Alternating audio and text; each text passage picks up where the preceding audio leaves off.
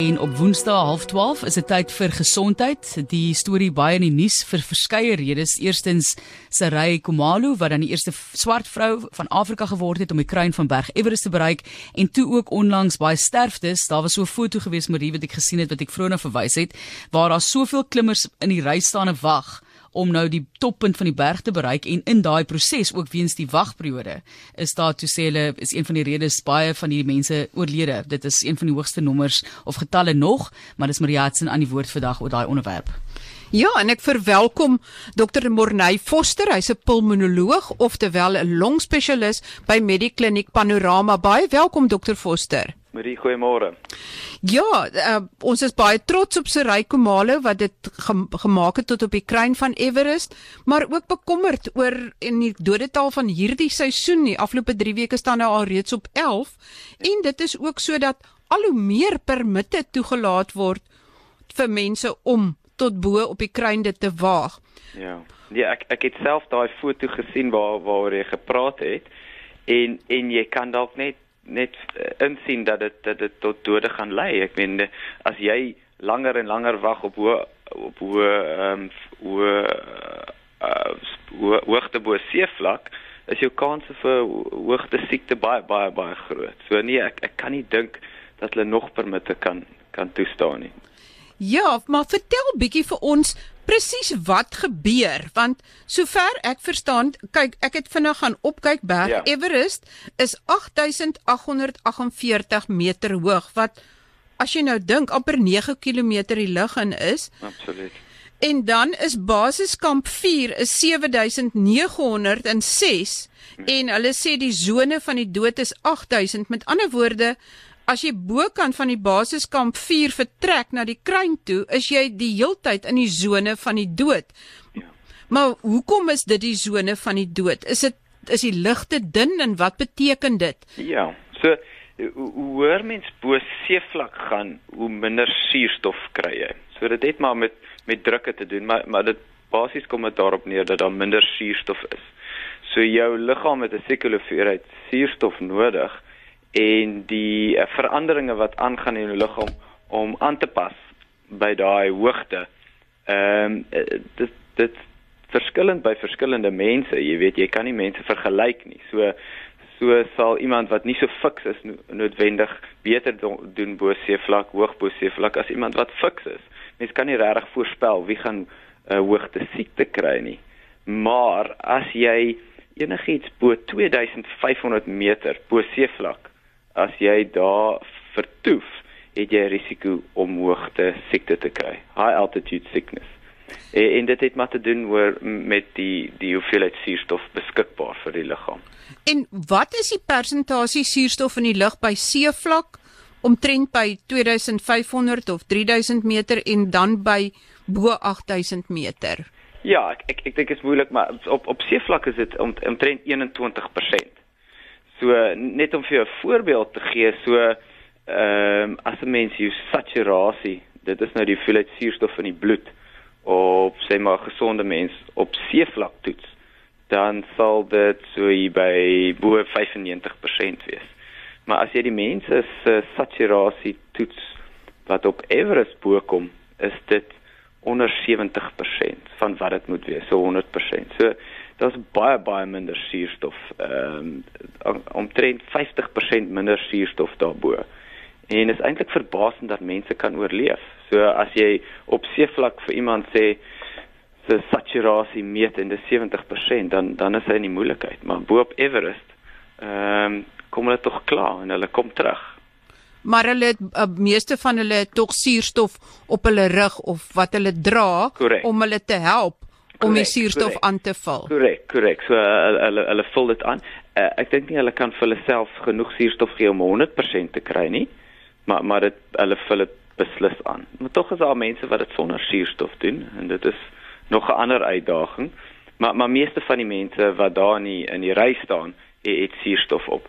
Maar die suurstof hou ook maar net so lank en dit kan soos ek sê kan nie vir hulle genoeg suurstof gee nie. So hulle is nog steeds besig om nie op 'n 100% uh suurstofvlakke te funksioneer nie. Baie laer, En nou staan jy nog in die ry en wag en jy gebruik daai kosbare suurstof op, ja. dan jy al hoe minder oor om die kruin te bereik Correct. en dan moet jy nog terugkom weer by die basiskamp 4. Korrek. So natuurlik alles wat opgaan saam met jou moet gedra word. Dit en sê jy uh, Sherpa het wat dit vir jou opdra, maar daai suurstofsilinder is op jou rug. So jy kan sekerlik baie suurstof vat, maar dan dan het jy baie gewig op jou rug en dan maak dit nog moeiliker. Ek weet elke tree wat jy gee bo op daai hoogte bo 4000 meter is is soos om omtrent om voel of jy 'n maraton hardloop. So elke tree vat verskriklik baie ehm um, motivering en inspanning. So nou moet jy nog iets swaar dra op jou rug. Dit gaan nie werk nie. So hulle wil so min as moontlik suurstof maar genoeg om hulle boot te kry. En dan hou dit natuurlik nie baie lank nie. So hulle kan nie baie lank daar vertoef nie. En dan kom hulle weer af. Maar gelukkig is die afkomslag ehm um, die die verandering wat mens voel is is redelik dramaties en vinnig. So uh, jy kan sommer elke uh, 100 meter wat jy daal, kan jy voel hoe hoe hoe beter voel jy. Dit klink amper of jy self daar was. ek het nou die dag het ek so maar net daar in Lesotho gaan hardloop het ons uh, ons hoogte was 3500 meter en al klaar kon ek van die van die uh, simptome ervaar. So hoofpyn, na, voel glad nie lekker nie. Dink wat gaan aan? Maar net sodra jy begin afkom en besef jy, "Joh, nou nou voel ek baie baie beter." En, en dit is maar 'n tipe van high altitude sickness, jy weet, cerebrale edeem waar die brein swel. So daar's twee goeters wat kan gebeur, reg. Ehm um, die hoogte bo seevlak is die een is dat die brein swel en hulle is nie seker presies hoekom dit gebeur nie, maar die brein swel en dit veroorsaak hoofpyn. Ehm um, en dit maak jou ook 'n bietjie dom. So jy's dom bo as jy so hoog probeer funksioneer as jy nog jy het nie suurstof nie, die brein swel, jy maak nie regte besluite nie. En, en dit kan eintlik gevaarlik wees, soveel so dat jy kan bewussyn verloor. En dan die ander ding wat kan gebeur natuurlik is dat jy uh vog op die long kry, pulmonale edeem, vog op die long. En dit is ook lewensgevaarlik. So dis maar 'n gevaarlike ding en mens kan nie dit altyd voorspel wie gaan dit kry nie. En jy sê mense kan dit enige hoogte bo kan 2500 meter kan jy van hierdie simptome begin ervaar. Korrek, korrek. So uh, weer eens verskillende mense is verskillend. Een persoon sal dit bo 2000 meter kry en die ander persoon bo 6000 meter. Uh, maar maar dit is potensieel moontlik bo 2500 meter. Nou, hoe moet jy dan maak ja. om Everest te kan uitklim? Uh ek verstaan hulle klim eend op en dan weer af en dan weer ja. op en dan weer af. Wat hoe werk dit? Hoe ver moet jy op en weer ja. terug en so? So ek meen daar's mense wat elke dag omtrent op en af loop. Ehm uh, en hoe doen hulle dit? Hoe hoekom kan almal dit nie doen nie? So dit is akklimatisasie noem mense dit. So dit gebeur sommer vinnig as jy begin klim, dan raak jou liggaam al jy vinniger asem om meer suurstof te kry en jou bloedvate trek toe. So al hierdie goeters is maar maniere vir die liggaam om te akklimatiseer of gewoon te raak aan die min suurstof. En maar dit vat tyd. So hoe stadiger mens op met die hoogte gaan of of, of hoe stadiger jy klim, hoe beter akklimatiseer jy. So wat hulle doen by Everest, hulle klim tot op 'n sekere hoogte en dan vertoef hulle daar. Hulle spandeer 'n bietjie tyd daar en dit gee vir die liggaam kans om te akklimatiseer of te gewoon te raak aan die aan die lae suurstof vlakke. En uh, so as jy dit stadig doen, is dit doenbaar, maar die probleem met Everest is daar's nie baie tyd nie, die weer speel nie saam, daar's 'n klomp faktore. Maar as jy daar gaan bly, dan sal jy baie goed akklimatiseer. Soos byvoorbeeld die Sherpas wat daar bly. Hulle is geakklimatiseer om om daar op en af te loop sonder suurstof. En die liggaam se respons of langtermynrespons is is om rooi bloedselletjies te maak. En oor tyd het hulle genoeg rooi bloedselletjies om baie meer suurstof te dra. Uh al is hulle al het hulle min suurstof in die bloed, die, genoeg suurstof word gedra na die organe toe. En dit is maar waar waar toe mens mik op 'n korttermynbasis, akklimatisasie. So sal dit help om te vinniger te akklimatiseer as jy EPO gebruik soos wat Lance Armstrong gedoen het om om wel die die kruin te kan bereik. Ja, so maar EPO werk nie so vinnig nie, maar ja, ek ek, ek dink dit is 'n goeie idee ons moet maar vir almal begin EPO spuit voordat hulle Everest klim. Nee nee, natuurlik het EPO net uh sy ehm um, neeweffekte of gevare En die gevare is dat die bloed te dik raak en dan kry mens uh, bloedklonte. So dit is maar 'n gevaarlike speletjie uh, as jy dit ehm um, onnatuurlik aanhou. So die as jy natuurlik akklimatiseer dan dan het jy nie noodwendig daai gevaar so groot nie, maar as jy met middels dit aanhou die akklimatisasie of jou uh, bloedtelling verhoog, jou hemoglobien, dan dan is daar gevaar betrokke. Dokter Foster, as jy nou 'n Tserpa wat nou meer EPO in sy bloed het ja. om meer rooi bloedselle te maak ja. wat dan beter suurstof kan dra. Ja. Is sy longe ook anderste en wat sal gebeur as jy daai persoon wat nou gewoond is om op daai hoë hoogte bo seevlak uh, te beweeg as jy hom nou skielik na seevlak toe bring? Ja, so uh, hy sal eintlik baie goed doen uh, op 'n uh, op by seevlak. So sy oefeningskapasiteit sal baie hoog wees. Beteken nie hy's gekondisioneer vir 'n tipe oefening nie. So soos ek weet nie hoe goed hy sal swem nie. Hy het die potensiaal potensiaal om goed te swem, maar hy sal seker beter stap of hardloop omdat sy bene gewoond is daar daaraan. Maar maar sy rooi bloedselletjies maak dat hy suurstof beter kan dra en definitief sy oefeningsvermoë baie te verbeter. So ja, nee, hulle sal goeie sportmense wees op 'n lae lae seevlak. Sjoe, nou hardloop hulle soos ribbokke daarbo rond ja. in die in die lug en heen en weer en lê omtrent 4 maal die afstand af as wat enige klimmer af lê. Ja, ja, absoluut, absoluut. So, hulle is eintlik die heroes daarbo, maar maar soos ek sê, hulle hulle het die hulle het die voordeel om daar te bly en ge, geakklimatiseer te wees. So en ons, jy weet, of mense, gewone mense wat klim probeer op 'n baie kort termyn of 'n kort tyd dieselfde te bereik. En, en, en dis waar die moeilikheid inkom en dit is wat dit 'n uitdaging maak.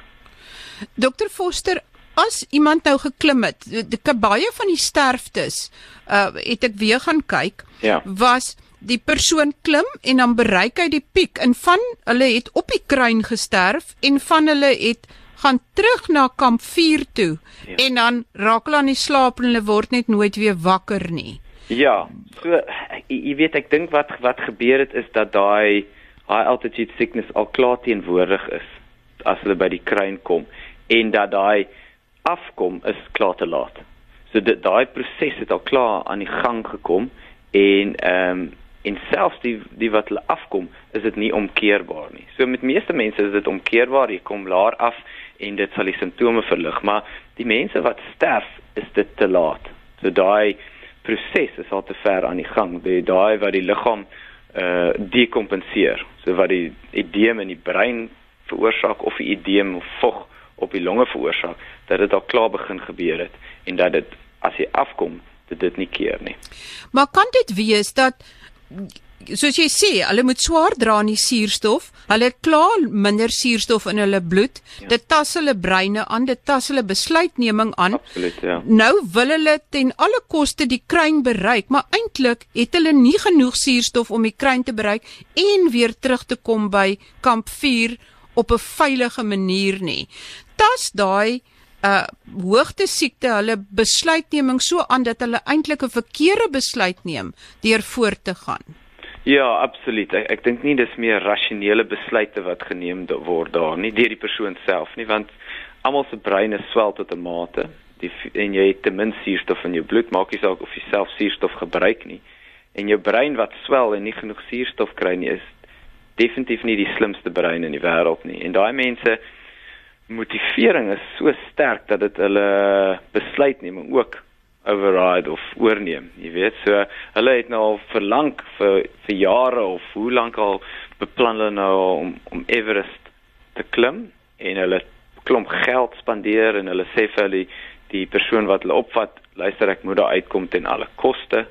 So daai is so diep ingesink in hulle uh onderbewussyn dat dat hulle hou aan ten spyte van waarskuwings of noodsyne wat die liggaam uitstuur dat dit dat dit nie die regte ding is om te doen nie en dat dit dat hulle moet omdraai. So ja, absoluut. Dit dit is nie dit sien mense oor en oor en oor hierso op Everest dat daai besluitnemingsproses is nie reg nie, maar dit is eintlik waar die gidse inkom en waar hulle daai besluite moet neem. Maar uh soos ek sê, dit is daar's 'n klomp geld en tyd en uh inspanning betrokke om daai besluit te maak. Ja, miskien moet daai besluit uit die klimmer se hande geneem word. Miskien moet die Serpas uh dalk net 'n verdowingsmiddels kry of 'n slaappil wat hulle hom vinnig kan inspuit en hom kan terugkry by kamp 4 voordat hy sulke mal besluite neem om voort te gaan. Ja, maar ek weet ek dink is makliker gesê as gedaan. So ek ek dink almal daarbo niemand lyk goed nie. So nou hoe besluit jy wie gaan dit maak en wie gaan dit nie maak nie? En, en ek dink dit is waar uh, elke ou vir homself moet 'n besluit maak en sê hy kan dit nie maak nie, maar maar soos jy sê daar daar moet 'n uh, iemand anders moet besluit vir en hy sê waarskynlik as dit te stadig gaan, as jy te stadig opgaan en jy het nie genoeg suurstof voor, dan moet daai besluit vir jou gemaak word natuurlik. Ehm um, iets moet gedoen word om ek meen 11 sterftes in 'n jaar is is is baie hoog. Ja, en as jy dink die vensterperiode is maar basies Mei maand. So dis 11 sterftes in in 4 weke se tyd en my is nog nie heeltemal verby nie. Ja. En ek het gaan kyk na die statistieke. Hulle sê 1 uit 25 mense wat Everest aandurf en die kruin bereik, moet bereid wees of verstaan dat 1 uit 25 gaan dit nie maak weer terug tot by die basiskamp nie. Ja, ja, ek ek meen mense, meeste mense wat so iets aanpak, weet dit. Ehm um, en, en jy moet jouself vra, jy weet, wat is jou uh dryfkrag om, om om dit te doen? Maar ek meen ek jy weet op op 'n manier kan ek dit verstaan. Ek meen wil jy op die hoogste punt in die wêreld staan, op die hoogste punt op aarde. En en daai gevoel moet moet moet onbeskryflik wees. Seker die mense wat dit al gedoen het, maar maar uh, wil jy doodgaan daarvoor? Ja, Ek meen dit is elke elkeen se se besluit, maar 1 uit 25 is 'n baie baie hoë risiko om te neem om enigiets te doen. Dr Foster, as die wat is die eerste teken soos wat jy nou beskryf het toe jy in Lesotho gehardloop het en as iemand nou 'n berg klim en dit is hoër as 2500 meter, wat is daai eerste tekens waarop jy moet let en is dit dan maar net die beste om weer laer te gaan? Ja, so so so die die die die uh simptome wat mens kry is hoofpyn en naait. Ehm um, jy, jy weet ek dink almal kry dit tot 'n sekere mate. So ek ek dink nie dit behoort tekens te wees dat jy moet uh afgaan nie, maar dit behoort waarskuwingstekens te wees dat as die hoofpyn en die naait nie beter word, dat dit erger word, dan dan moet mens dink aan afgaan. So natuurlik as jy jou uh, besluitnemings uh, proses of as jou ehm um, ehm um, jou bewussynsvlak begin afgaan. Jy weet jy raak slaperig en jy kan nie meer so vinnig loop nie. Dit is maar waarskuwingstekens, maar weer eens, daar is nie maklike uitgesproke 'n mate wat mens kan neem om te sê jy moet nou afgaan nie. Dit is maar net die simptome wat nie verbeter nie of nie weggaan nie wat vererger. En definitief die die hoofpyn en naait is die begin van dit, maar dan die die einde is die bewussyn wat ondergaan. En uh, tussenin is dit maar dat jy ehm uh, jou besluitneming word aangetast. So jy is jy's maar stadig en jy ehm um, en jy maak nie goeie besluite nie, jy weet. So jy het iemand nodig met wie jy kan praat wat vir jou kan sê luister jy jy funksioneer nou nie goed nie. Jy gaan moet dink om af te gaan. En dan moet jy eintlik luister as daai een praat. Ja, absoluut. Dis 'n ander storie om te oortuig om af te gaan dan, né? Ja. Daai toestand. En en die pulmonale edeem, die vog op die longe, ja. uh, kom dit gewoonlik saam met die hoofpyn en die naait of is dit heeltemal 'n ander simptoom? Wat Ja, so so dit dit is dit is gewoonlik 'n ander simptoom, so die uh die kort asemheid. Almal is kort asem daarbo, maar dit word erger.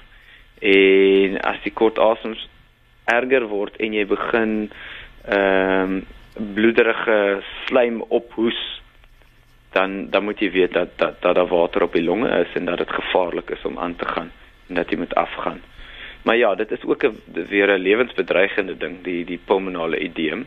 En die vroeë teken van dit is maar net kort asemheid. Maar weer eens, so so almal is kort asem op daai hoogte wanneer besluit jy dat dit erger word jy weet? So ek ek dink erger word eerder as beter word is is 'n teken. Uh, maar dan ook begin bloed ophoes of 'n bloederige sekresies kry. Uh, dit is 'n vroeë teken van pulmonale edema of eintlik 'n laat teken of sulks. En uh, uh, Dokter Foster, ek weet jy's 'n longspesialis, maar een van die ander dinge wat die klimmers redelik teekom is vriesbyt, wat hulle vingers of neuse swart word en dan ja. letterlik afval. Ja. Hoe gebeur dit? So dis eintlik dieselfde maar wat in die longe gebeur is dat die die die respons op koue is om die ehm um, hooforgane in die liggaam te beskerm. So dis nou jou hart en jou longe en jou niere en jou lewer en hulle sit almal in die middel om om jou hart en om dit te beskerm trek die bloedvate wat in die periferie soos die hande en die tone en die neus dit is die punte hulle trek toe en hulle hou soveel as moontlik hitte en bloed uh in die sentrale sirkulasie so as dan nie bloed na die die punte toe gaan nie dan begin hulle doodgaan. Hulle begin ischemies of nie genoeg bloed en suurstof kry nie en dan begin hulle doodgaan. Dis basies wat gebeur. Daai swart is die vel op die punte van die vingers en die voete wat begin doodgaan omdat hulle nie genoeg bloed en suurstof kry nie. So en en dit is maar wat dit is. Sjoe, dit klink vir my nogal na vreeslike ontberings en dan moet jy nog oor leere klim wat deur oor verskriklike afgronde geplaas word. Ja. Wat ek wat hoogtevrees het al klaar dink nee, dankie, dis nie vir my nie buiten vir die koue. Ja.